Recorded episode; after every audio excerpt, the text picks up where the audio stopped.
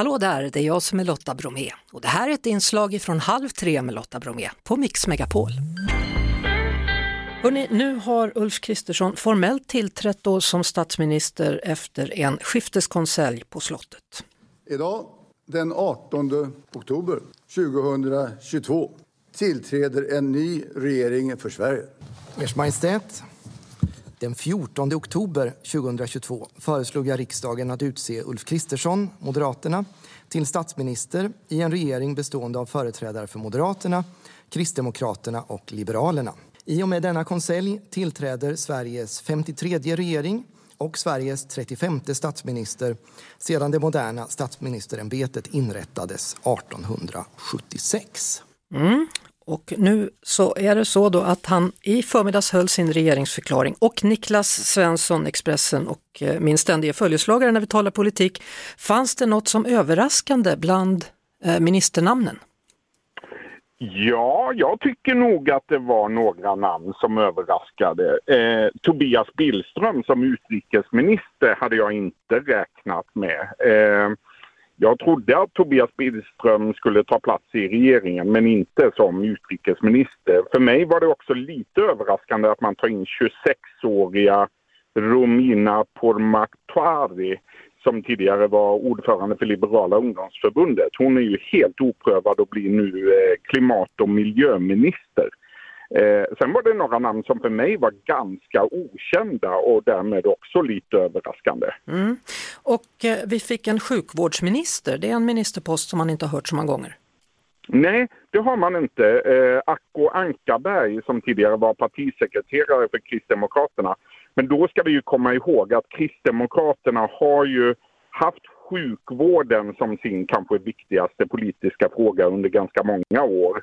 Och att man ville bygga ut eh, socialdepartementet var kanske ändå inte så överraskande. Men som du säger, en helt ny eh, ministerpost. Mm, om vi tittar lite då på övriga partiledares val då, för jag antar att de har fått välja lite vad de vill ha för poster. Ebba Busch hon har då mm. blivit närings och energiminister förutom att hon då är vice statsminister. Var det väntat?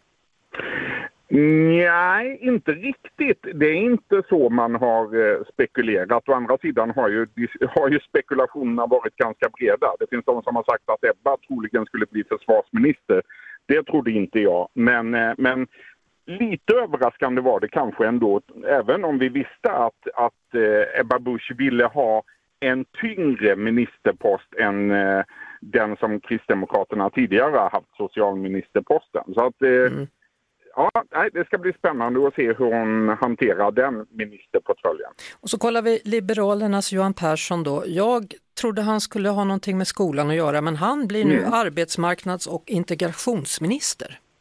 Det tycker jag var överraskande. Ehm, jag hade nästan utgått ifrån att han skulle bli ny utbildningsminister och chef för utbildningsdepartementet. Mm. Nu kommer han inte ens att vara på det departementet utan eh, ansvarar då för arbetsmarknads och integrationsfrågor.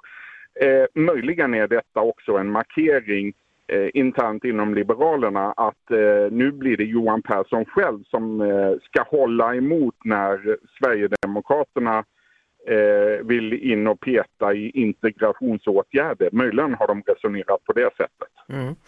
Och nu då så letas det i vanlig ordning skelett i garderober mm. hos ministrarna då. Ebba Busch har tydligen haft någon sminkskuld hos Kronofogden, skatteskuld för Kristersson, aktieinnehav för nya skolministern, eh, mm. just i ett, ett skolföretag då, obetald tv-licens för kulturministern. Alltså det lär bli fler, eller?